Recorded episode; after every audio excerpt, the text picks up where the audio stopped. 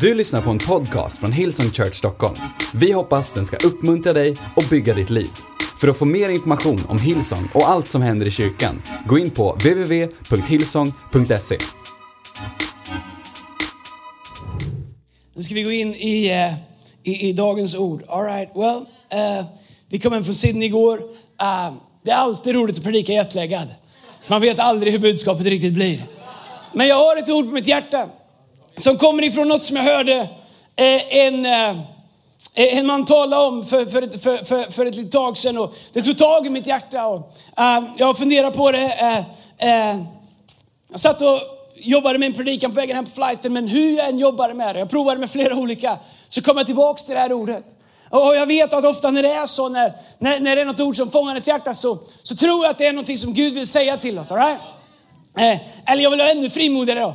Jag vet att det här är någonting som Gud vill säga till oss. Ett ord av uppmuntran, men det finns lite utmaning i det också. All right? Så det är lite lagom så att du inte somnar i ju mors dag.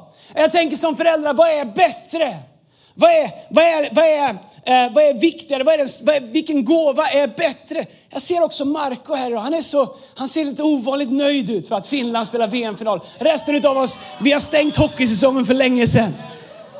Spelar de fortfarande hockey? Jag trodde att det är fotboll som gäller, men det, det är någon match kvar tror jag i, i eftermiddag eller kväll. Nej, vi gratulerar alla som är från Finland till VM-finalen. Och som vanligt, sport är inte alltid rättvist, men det är vad det är. Tillbaks till Guds ord, alright? Kan jag få säga en sak också innan jag hoppar in i predikan? Jag sa, om ni inte har röstat i EU-valet, gör det. Vi får vad vi förtjänar. Vi får vad vi röstar för. Nej, jag kommer inte säga till dig vad du ska rösta för. Men att inte rösta, det betyder två saker. Nummer ett, du struntar i hur det, hur det går för ett land. Nummer två, du har noll rätt att gnälla.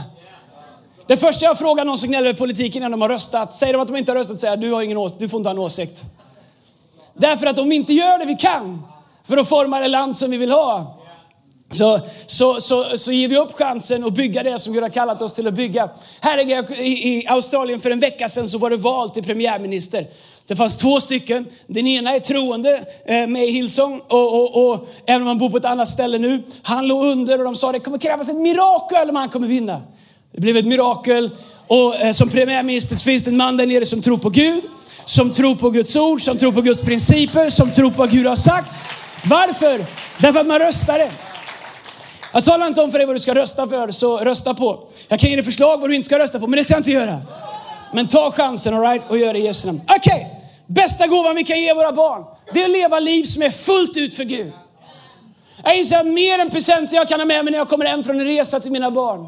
Mer än äh, det som man någon gång köper av dåligt samvete till sina ungar för att man har varit borta för mycket eller för att man äh, har eh, missat någon match eller whatever, vad det än är. Mer än någonting annat som jag ger mina barn så är det att leva ett liv fullt ut för Gud. Jag är övertygad om att det är den största gåva jag kan ge dem. Det är det största, eh, viktigaste exemplet som jag kan ge dem. Att leva ett liv som är helhjärtat. Det är den bästa gåva jag kan ge till min fru. Bättre än blommor. Jag har sagt till henne, baby, vi behöver inga blommor. Jag vill ge dig en annan gåva. Nej, det har jag inte sagt. Du kan få båda. Hey, jag har byggt en skylt, om du ser skylten ute i foajén. Så har jag byggt den som en gåva till min fru, till sisterhood. Come on somebody, it's a gift that keeps on giving. I fjärde Mosebok 14, vers 24 så står det så här. Men min tjänare Kaleb, för att han har en annan ande i sig, har följt mig fullt ut. Därför ska jag föra honom in i det land där han har varit. Han har varit och spejat på det. Hans avkomlingar ska ärva det. Så Gud säger, Kaleb, han har en annan ande och, därför, han, och det visar sig att han har följt mig fullt ut. Och eftersom Kaleb har följt mig fullt ut ska jag välsigna hans barn. När vi kan säga att det här är gamla testamentet, men Bibeln säger att Gud är densamma igår, idag och all evighet. Det är inte så att Gud gjorde en personlighetsförändring när han kom till nya testamentet, utan Gud är densamma. Det som har hänt är att istället för lagen där vi får bära våra egna straff så kom Jesus och tog vårat straff. Så nåden har kommit och tack gode Gud för det. Men Gud är likadan. Som Gud säger till Kaleb, Kaleb du har följt mig fullt ut. Jag ska välsigna dina barn, de ska få ärva landet. Så är det en princip som gäller oss också här idag. Att när vi väljer att leva våra liv fullt ut för Gud, så säger Gud, jag ser vad du gör, jag ska välsigna dina avkomlingar. Faktum är att han ska Bibeln säger att det finns ett löfte att Gud vill välsigna oss i tusen generationer. Men tänk att leva liv som bara är lite mer strategiska än att tänka på om vi ska äta kebab, pizza, grilla eller vad vi ska göra till lunch idag eller imorgon. Utan det vi lever liv, i säger jag vill leva mitt liv med en intention av att mina barn ska få ärva landet, att mina barn ska få leva i Guds välsignelse. Att det får forma våra beslut, att det får forma våra åsikter, att det får forma våra prioriteringar, att det får forma det som vi ger vårt liv till. Och våra barn kommer få ärva välsignelsen av vårat fullt ut. Eller vårt resultat av halva hjärtan. Gud har inte kallat oss att följa honom utan fel. Att vi måste vara felfria för att följa honom. Men han har kallat oss att följa honom fullt ut. Ibland blandar vi ihop dem där och vi tror att, att för att följa Gud så måste jag vara helt full, eller liksom jag måste vara helt utan fel. Nej, det kommer du aldrig vara. Eller att din situation måste vara perfekt så att du kan följa Gud. Den kommer aldrig vara perfekt. Gud har aldrig bett oss att komma och följa honom när vi är färdiga. Han har sagt till oss som är ofärdiga, som inte alltid får till det, att följa honom fullt ut. Petrus var full av fel, men han, det var något med honom som var fullt ut. Och det finns ett beslut som vi kan fatta om att bestämma att Gud, även när jag inte alltid får till det, så är mitt beslut att följa dig fullt ut. Fjärde Mosebok kapitel 32, vers 11 så står det så här eh, om Israels barn. För att de inte följt mig helhjärtat. Inte en av dem som var 20 år eller mer när de kom upp ur Egypten ska se landet som jag med ed lovar Abraham, Isak och Jakob. Ingen förutom Kaleb, Kenisiten, Jefunnes son och Josua Nuns son. För de följde Herren helhjärtat. De var inte bättre, de var inte smartare. De bestämde sig bara för att göra det helhjärtat. De bestämde sig bara för att ge hela sitt hjärta till det. De såg samma utmaningar i landet när de var där och bespejade som alla andra gjorde, men de bestämde sig för att ge sitt hjärta till det. För att låta det bli helhjärtat. Vilken Gud kräver helhjärtad efterföljelse. Vad är det för en Gud? Det kan ju låta som att Gud kräver väldigt mycket. Vilken Gud kräver att vi ska följa honom av hela vårt hjärta? Samma Gud som helhjärtat gav sin egen son när han skulle skapa en väg för oss att komma till honom. Samma Gud som av hela sitt hjärta, som inte höll tillbaks. Bibeln säger att han, han, han undanhöll oss inte ens sin egen son. Han som inte ens sparade sin egen son, han som helhjärtat gav sin egen son. Han ber oss att helhjärtat följa efter honom. Med fel, med brister, med utmaningar, med olika säsonger i livet. Så finns det någonting som vi kan leva, ett liv där vi kan leva, come on somebody, det är bara en bekräftelse. Till och med micken är med idag. På att Gud vill att vi helhjärtat ska följa honom. Alla hälsosamma och fruktbärande relationer bygger på att båda parter ger sig helhjärtat. Alla utmaningar i relationer bygger på att det finns olika, eller ofta många utmaningar i relationer bygger på att det finns olika liksom, insteg i relationer. Kanske inte minst när man dejtar. Och om man är i ett förhållande där man har liksom gett sig olika mycket så kommer det aldrig att bygga ett starkt förhållande på det. Om den ena parten säger I'm all in, jag säger nej till alla andra. Och den andra säger jag är nästan all in, jag säger nej till de flesta. Så länge det inte kommer någon som ser ut så här och så här och så här. Eller har en pappa eller mamma som har så här mycket pengar. Eller kan jag ge mig ett jobb till det här? Det finns ingen grund för att bygga en bra relation om inte båda parter ger sig helhjärtat.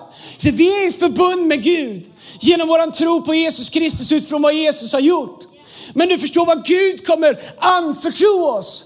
Det har 100% att göra med, med vilket sätt vi går in i en relation med honom. Om vi säger Gud, jag vill gärna ha syndernas förlåtelse, jag vill gärna ha frid, jag vill gärna ha din kraft. Men Gud förväntar inte att jag inte ska ha lite andra saker på gång också som konkurrerar med den plats som du vill ha i mitt liv. Absolut att du är frälst, absolut att du kan komma till himlen.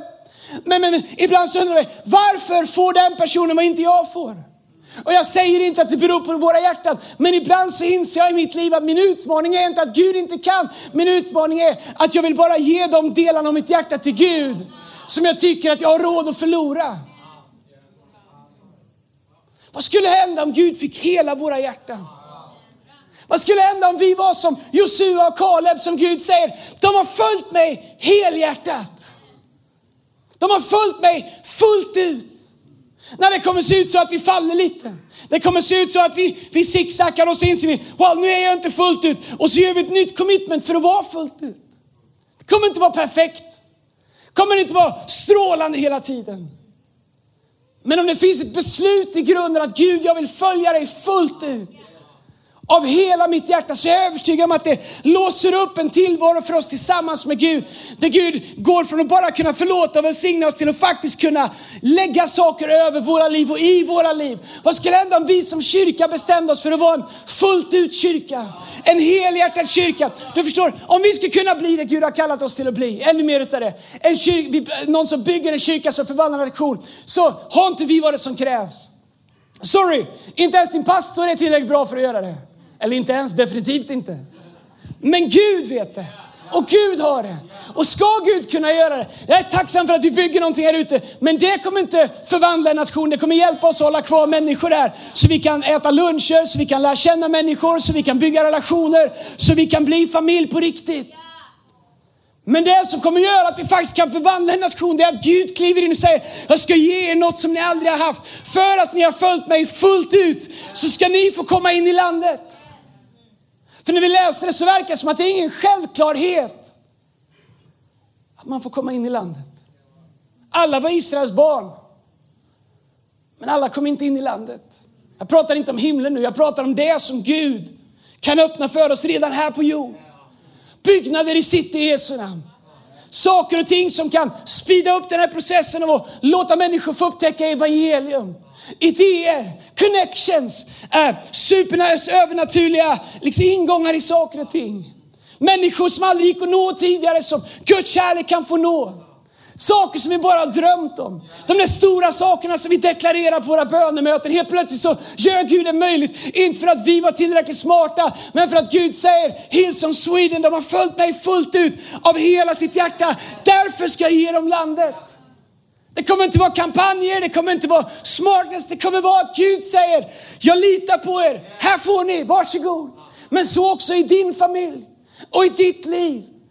När Gud ser helhjärtat, när Gud ser fullt ut så, säger, så finns det ett liv att kliva in i när Gud säger, du kan få det bara helhjärtat kan få. Du kan få det bara fullt ut kan få. Well, vi kommer att ha skämt lite senare så om ni känner att det Han skriver, skriver ner några saker som inte existerar när vi följer Gud fullt ut. När vi följer Gud helhjärtat. Det första är villkor. Det finns inga villkor i efterföljelse till Jesus. När jag kom till Jesus så gjorde jag inte Gud, jag följer dig om du lovar mig att göra det här och det här och det här. Jag följde Gud för att jag insåg att jag var förlorad utan Gud. Jag följde Gud för att jag insåg att utan Gud så har jag ingen chans. Jag kan inte frälsa min själ. Jag kan inte förlåta mina egna synder. Jag kan inte hela mina egna sår. Jag kan inte bli det som Gud har sagt att jag kan bli utan honom. Så när jag kom till Gud så var det för att jag insåg att jag behövde Gud. Det jag upptäcker så lätt smyger sig på när man tjänar Gud är att man vill förhandla in villkor med Gud. Det som en gång var en all in överlämnelse och överlåtelse till Gud kan ganska enkelt bli villkor för Gud. Gud, du får använda det här men inte det här. Gud, jag gör det här om det här sker. Gud, jag är med, jag går, jag är med i det teamet om du tar bort den personen. Come on somebody. Vi börjar sätta villkor på Gud. Men om Gud ger mig vad mitt hjärta begär, då ska jag ha min glädje i honom. Det är inte vad Bibeln säger. Bibeln säger inte att vi ska ha vår glädje i honom om han ger. Han säger, ha eran glädje i Herren. Då ska han ge er vad ert hjärta begär. Att det börjar med att vi lägger våra hjärtan i Guds händer, att vi sätter vårt hopp till Gud. Att vi har låter vårt hjärta få fullt ut vara mot Gud. Då säger Bibeln att då ska han ge oss allt vad vårt hjärta begär. Så steget in till allt vad vi behöver, allt vad vi längtar efter. Vet du vad, till och med de där bönerna som är onödiga. Jag tror vi har de bilderna vi behöver på mig här nu. Eh, till, till och med de, de eh, liksom sakerna som är onödiga, de som är lite guldkant. Jag älskar att vi får be guldkantsböner till Gud. Come on somebody. Bara du vet så här, det som inte behövs men bara det som är guldkant. Så Gud är inte bara en Gud vi får be, åh Gud nu kommer jag till dig, jag inte, vet att jag inte har bett dig om något på länge. Men nu be, det är inte sån Gud är. Ja, du har inte bett om någonting på tre månader så jag antar att jag får svara på en bön nu. Som att Gud belönar oss för att vi inte ber.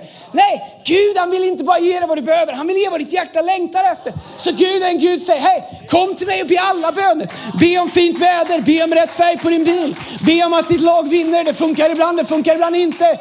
Be om vad du vill. Gud är hela livets Gud. Bibeln säger att han vill ge oss vad vårt hjärta begär. Att du faktiskt får gå till Gud och säga, Gud det här längtar jag efter. Gud, det här önskar jag utan att ha någon skam. Ibland tror jag att vi bara får gå till Gud med böner som är liksom stora och viktiga. Nej, Gud han bryr sig om allt. Jag älskar när mina barn kommer och berättar någonting för mig som de tänker på. Eller som de, de skulle vilja. Och när de, när de känner att de vill prata om det, det är awesome. Gud är ju våran far. Så Gud är inte en Gud som, vet, vi får inte audiens inför honom och så har vi en chans på oss att framföra något viktigt till honom. Nej, han vill höra om allt. Vi kan be honom om allting, vad som helst. Du kan be att bilen startar när bensinen är slut. Come on somebody. Hur många har varit 18 år och haft dåligt om pengar och bett för bensinmätaren? Men jag har bett för den där mätaren. Ibland funkar ibland funkar inte. Jag vet inte exakt hur det, det var ett tag sedan nu. Nu, nu, nu har jag diesel. Jag vet inte om man får be om mer diesel om man är miljöbov då eller hur det funkar. Men när jag köpte bilen så var jag miljövän men sen blev jag miljöbov. Jag vet inte riktigt hur det gick till men det hände på någon månad där innan valet. Gå och rösta, come on bara. All right. Inga miljöskämt. Känsligt.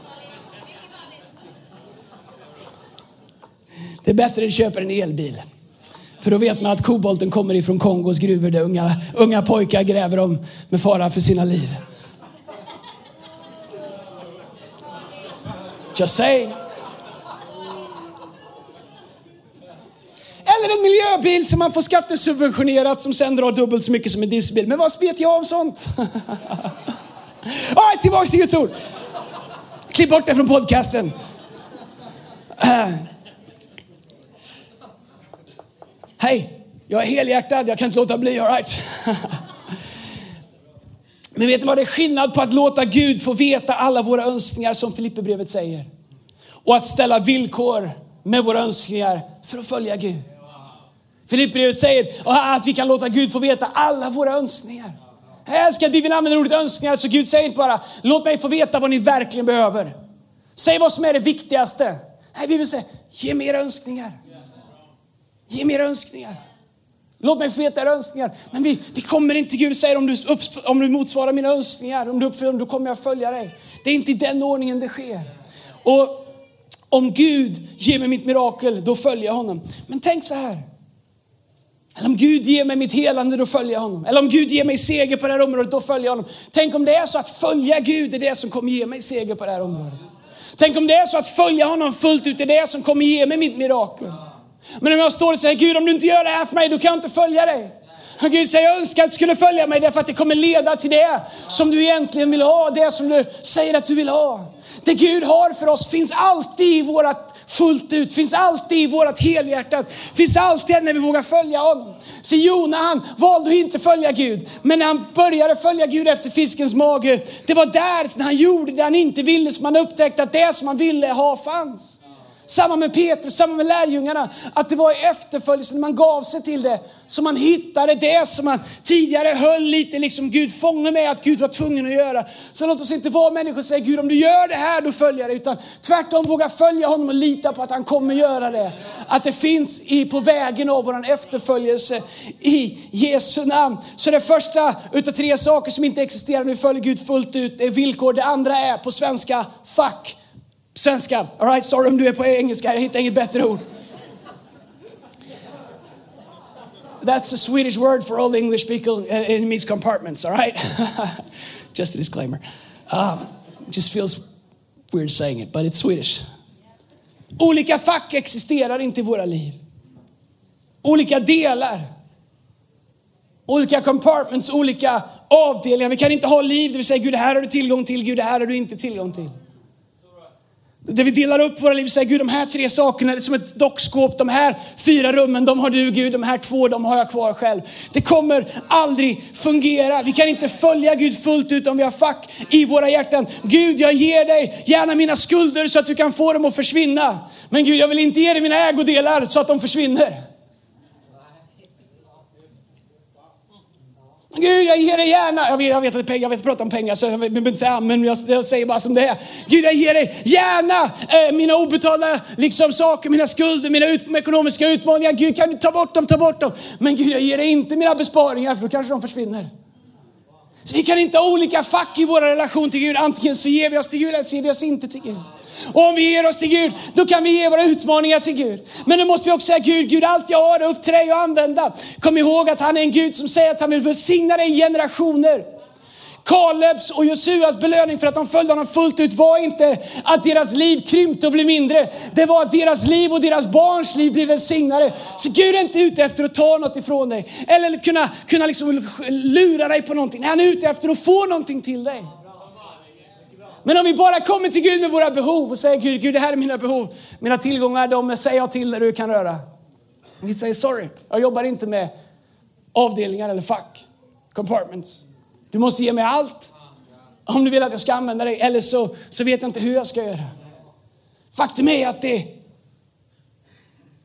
att ge det lilla vi har på det sätt som vi säger till Gud, Gud allt det här är ditt. Det vi tror att vi har, det vi tänker att vi har, att det, det, att, att det är så mycket. Men du vet, Bibeln säger att Gud, han har gator som är av guld. Och jag tänker när jag står där och velar om jag ska ge liksom 10 eller 20 eller 500 eller 1000 kronor eller tionde eller inte tionde, det velar jag inte över, vi vet att det är en Guds princip. Men när jag står där och velar, jag tänker Gud, han kan ju liksom sparka lite med foten i gruset så här så har han ju mer, förstår du? Så det, alltså han behöver inte det. Det är inte så liksom att Guds balansräkning inte går ihop. Eller att han har svårt med sitt cashflow. Eller att han har svårt med, liksom, förstår ni, resultaträkningen går åt skogen för Gud för att jag inte gav min femte. Han behöver inte det jag har, men jag behöver ge det till Gud. Så att Gud kan säga, bra, du har följt mig fullt ut. Nu kan jag lita på att ge dig det som är mer än du någonsin trodde. Jag tar gärna en halv applåd, det är bättre än inget. Come on somebody, i city också. Men här är grejen. Vi säger till Gud, jag ger dig min arbetstid, men inte min fritid. Staff. Eller vi har inga sådana staff. Eller vi säger Gud, jag ger dig min fritid, men rör inte min arbetstid. Nej, Gud vill ha hela våra liv. Gud, jag ger dig min tillbedjan, men rör inte mina åsikter. Gud, jag ger dig mina böner, men provocera inte eller utmana inte mitt tänkande. Så med Gud så kan vi inte leva Gud där det finns olika fack som Gud får tillgång till och olika fack som Gud inte får tillgång till. därför Gud kommer aldrig kunna göra det i oss som Gud har tänkt. När Gud bad Abraham att offra Isak på, på, på, på, på, på, på det berget där så Gud var inte intresserad av att sätta kniven i Isak. var inte intresserad. Men du vet Abraham hade levt i hundra år och hade han sin löftesson och det var Guds välsignelse. Det Gud var ute efter det var att sätta kniven i Abrahams fack och, och visa Gud att det finns ingenting som inte tillhör mig. Och Abraham passerade testet. Han sa Gud, även det här, även mitt löfte efter hundra år. 25 år hade han hållit fast ett löfte. Även det tillhör dig Gud. Testet för att Abraham skulle bli välsignad i generationer, att man skulle säga Abraham, Isaks och Jakobs Gud var att han, han la sin, sin enda son på, på altaret. Gud var inte intresserad, han hade aldrig tänkt att döda Isak, han hade aldrig tänkt att han skulle offra sin son. Han ville bara se att han hade i, i Abrahams hjärta mer än vad välsignelsen hade Abrahams hjärta. Om det vi har i våran hand någonsin blir viktigare än det som Gud har lagt i våra hjärtan så funkar inte den här balansräkningen med Gud i våra liv. Vi kommer förlora varje gång som det vi har i våran hand är viktigare än det som Gud har lagt i våra hjärtan. Men Bibeln säger att det finns en välsignelse för dem som fullt ut vågar följa honom. Se det här är ingen predikan om, om, om, skuld eller skam eller att du inte är tillräckligt bra. Nej, det här handlar om välsignelsen som finns i att våga ge Gud allt. I att våga följa honom med allt. I att våga liksom göra som, Abra, som eh, gjorde. C.S. Lewis, jag vet inte om du har läst honom.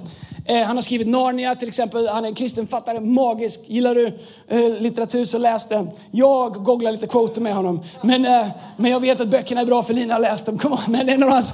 En av hans hey, jag är ärlig, alright? Helt och fullt. Come on. Så. Däremot så är det ju tragiskt. Jag kan säga nästan alla laguppställningar med Leksand de senaste 20 åren. Men, I don't know. Men en av hans bästa citat är God is either Lord of all or not Lord at all. Ooh. Jag behövt en syntes, kom inte upp men man behöver nästan lite keyboard för att linda in det. God is either Lord of all or not Lord at all. Det tredje som inte finns utrymme för när vi ska följa Gud helt och fullt är självgodhet. Egentligen så handlar det om var vår passion är någonstans. Vi kan inte följa Gud självgoda. Kanske är det ibland en av våra största utmaningar. Som att vi är i mindre behov av Guds nåd nu. En av de största utmaningarna tror jag för oss som har varit kristna ett tag, det är att vi tror ibland att vi är i mindre behov av Guds nåd idag än vad vi var den dagen vi var, gav våra liv till Gud. Som att vi har, det faktum att vi har arbetat lite på vår frälsning gör att vi är i mindre behov av hans nåd. Kanske den största uppenbarelsen för oss att hålla fast i är att nummer ett, hans nåd är ny varje morgon. Nummer två, jag behöver den här morgonen lika mycket som någon annan morgon. Det hjälper oss att få ett perspektiv av hur god Gud är. Att den här morgonen så har han ställt sin nåd till mitt förfogande. Allt jag behöver finns i den här nåden. Men om jag inte inser och förstår att jag behöver den nåden lika mycket idag som jag gjorde den där dagen jag blev frälst, så får, får det, vi, vi får ett liksom skevt förhållande till Gud i våra liv. I Lukas kapitel 22, vers 54 så står det så här, då, då grep de Jesus. Vi kan ta upp keyboarden här ska vi runda av där. Då grep de Jesus och förde bort honom och tog honom till översteprästens hus. Och Petrus följde efter på avstånd. Så Petrus han, han följde efter på avstånd. Han var där men han var tillräckligt långt borta för att inte dras med. Han var tillräckligt nära för att, för att vara där, för att se. Men han höll lite avstånd till det som skedde. Ah, han höll så pass mycket avstånd så att han inte skulle dras in i det. Han var där, men han var inte riktigt där. Jag inser hur ofta det här är jag på så många områden. Jag är där, men jag håller lite avstånd. Kanske alla ser det, kanske ingen ser det. Kanske är det i relation till en människa som jag borde förlåta och älska. Jag säger att jag gör det med mitt hjärta och mitt hjärta bara tar ut lite, lite avstånd för jag har ju blivit sårad. Eller jag stör mig på dem. Eller whatever. Eller i det som Gud vill att jag ska göra. Så jag tjänar Gud med några saker men jag tar ut lite avstånd till några saker som jag faktiskt vet att han har kallat mig till. Jag vill inte leva ett liv som Petrus. Där jag är där, men håller avstånd. Petrus han följde efter Jesus på tillräckligt tryggt avstånd för att inte överlämna sig till Jesus. Det är som när vi är i rummet, men inte ger oss till det som sker. Inte lutar oss in i närvaro, inte lutar oss in i ordet, inte lutar oss in i lovsången. Du vet, jag, jag vet inte om du är det ibland, men jag är det ibland. Man är här, vi är i rummen och vi lovsjunger Gud. Och, men på tillräckligt långt avstånd för att det ska ta tag i våra hjärtan. Vi är där, vi gör allting rätt, vi älskar Gud. Vi gick upp den här morgonen också. Vi strök våran skjorta, vi åt våran frukost. Vi är här. Det spöregnar, men vi är här ändå. Awesome! Men låt oss se till att vi inte har liv. Där vi är här men ändå har lite avstånd. Som Petrus som är där när allting sker som Jesus har lovat men han tar ut så mycket avstånd så han inte ska behöva överlämna sig. Här finns ingen skuld Jag menar inte säga det på ett sätt så att du ska känna dig sämre därför att Bibeln säger att det finns ingen fördömelse för den som är Kristus. Men vad skulle hända om vi bestämde oss för att alltid vara här? Inte bara här, men också inte ha avstånd i våra hjärtan. Varje gång det lov som säger jag, jag ska stänga avståndet genom att luta mig in i det som sker nu. Jag ska intentionellt, kan man, är det ens ord, intentionally, jag ska lovsjunga Gud med intention. Jag ska säga till mina tankar och fokusera på Gud. Jag ska säga till mina händer och lyfta sig till Jesus. Jag ska säga till min, min själ och ropa ut till Gud. Jag ska säga till allt inom mig som påminner mig om allt jag behöver och fokusera på Gud för en stund. Jag tror att vi måste bli bra på att hela tiden lära oss att stänga det där avståndet som vill uppstå hela tiden. Men det är egentligen allt. Det är allt vi gör. Jag är med men inte riktigt med. Jag vill inte ha något avstånd i mitt hjärta till det Gud har kallat mig till. Jag vill inte ha någon distans. Jag vill inte följa så nära så att jag är med, men så långt ifrån så att jag aldrig riktigt överlämnar mig till det Gud har kallat mig till. I min relation till honom och till det han har kallat mig till att vara en del av att bygga. Så djävulen han är inte ute efter att stjäla våran tro eller våra övertygelser. Han vill bara använda allt han får för att få oss att hålla lite avstånd till Gud. Han kommer aldrig försöka få dig att tänka det här med Gud är helt lögn. Från en dag till en annan, nej det är fel, jag lägger ner det här. Nej, han vill bara att någon trampar dig så mycket på tårna så att du tar lite avstånd. Han vill bara att någonting stör dig så mycket så att du tar lite avstånd. Han vill bara att det ska vara något som du inte förstår. Eller han vill bara få ditt hjärta ockuperat med andra saker. Eller låta livet bara liksom ockupera allting så att det bara blir lite av, Han är nöjd med lite avstånd. Han är nöjd med, han är fin med att vi lovsjunger lite, han är fin med att vi offrar lite, han är fin med att vi tjänar lite, han är fin med att vi är med i team, han är fin med att vi går till Connect Group. Så länge vi bara håller lite avstånd i våra hjärtan. Men nu förstår han att Jesus kom till jorden för att stänga avståndet mellan Gud och oss. Och jag är så tacksam att, Gud, att Jesus inte stannade på ett moln så att vi kunde se honom men inte ta på honom. Där Jesus bestämde sig för att komma hela vägen. Filipperbrevet säger att han lämnade sin tillvaro som Guds gestalt och han kom ända längst ner hit, så långt ner det gick att komma. Han föddes under de sämsta omständigheterna. Han var högst men han kom lägst ner. Han höll inte något avstånd. Och när de religiösa försökte putta bort människor, till exempel barn som jag välsignat idag, sa Jesus, stöt inte bort dem, låt dem komma till mig. Allt Jesus kom för att göra var att stänga avstånd. När det kom syndiga människor som människor sa, de där hör inte hemma här, sa Jesus, jag är här för att stänga avståndet. Jag dömer dem inte. Jag, de, de skällde på honom för att han åt med syndare. För att han umgicks med prostituerade, för att han upprättade människor som religiösa strukturer hade dömt ut. Så det är det kristendom handlar om, det är det efterföljelse handlar om, att stänga avstånd. Så du behöver inte vara perfekt eller färdig i ditt liv, men du kan leva ett liv utan avstånd i ditt hjärta till Gud och till de som är runt omkring dig. Fundera på vad som skulle hända om vi levde liv utan avstånd. Så det är så enkelt att se saker hos varandra som får oss att ta ut avstånd. Jag menar, allt man behöver göra är att stå här uppe en stund eller sitta där nere en stund och titta upp hit. All vår mänsklighet syns. Men du förstår, Gud är annorlunda. Gud vill hjälpa oss att genom allt det leva liv utan avstånd. Jag hörde någon prata om sin son. Jag har ingen son, men jag har döttrar. En dag, jag inser att det kommer en dag när någon ska dejta min dotter. Nah, inget jag ser fram emot direkt. Men om en sådär 35-40 år Men tänk den stackaren. Om han kommer hem första gången, eller efter de har dejtat, och ska fråga mig om han får gifta sig med henne. Och om han gör det utan att fråga mig så kommer jag aldrig hitta honom mer. Vi klipper bort det också. Men om han kommer till mig och säger Andreas, jag skulle dejta Selina, eller jag skulle gifta mig med Selina Joe. Okej, okay, du vill gifta min dotter, men hur känner du för henne? Nej, men hon är, hon är okej. Okay average. Jag har satsat högre men hittar inget så jag är liksom nere på det här. Jag tror att det, vi kan få det att funka. Hon är inte supersmart men det är kul att umgås. Finns snyggare. Men hon får duga. Den konversationen kommer inte sluta bra.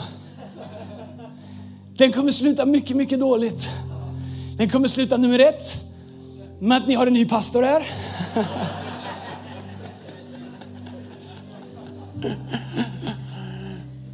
Nej, det är min dotter han pratar om.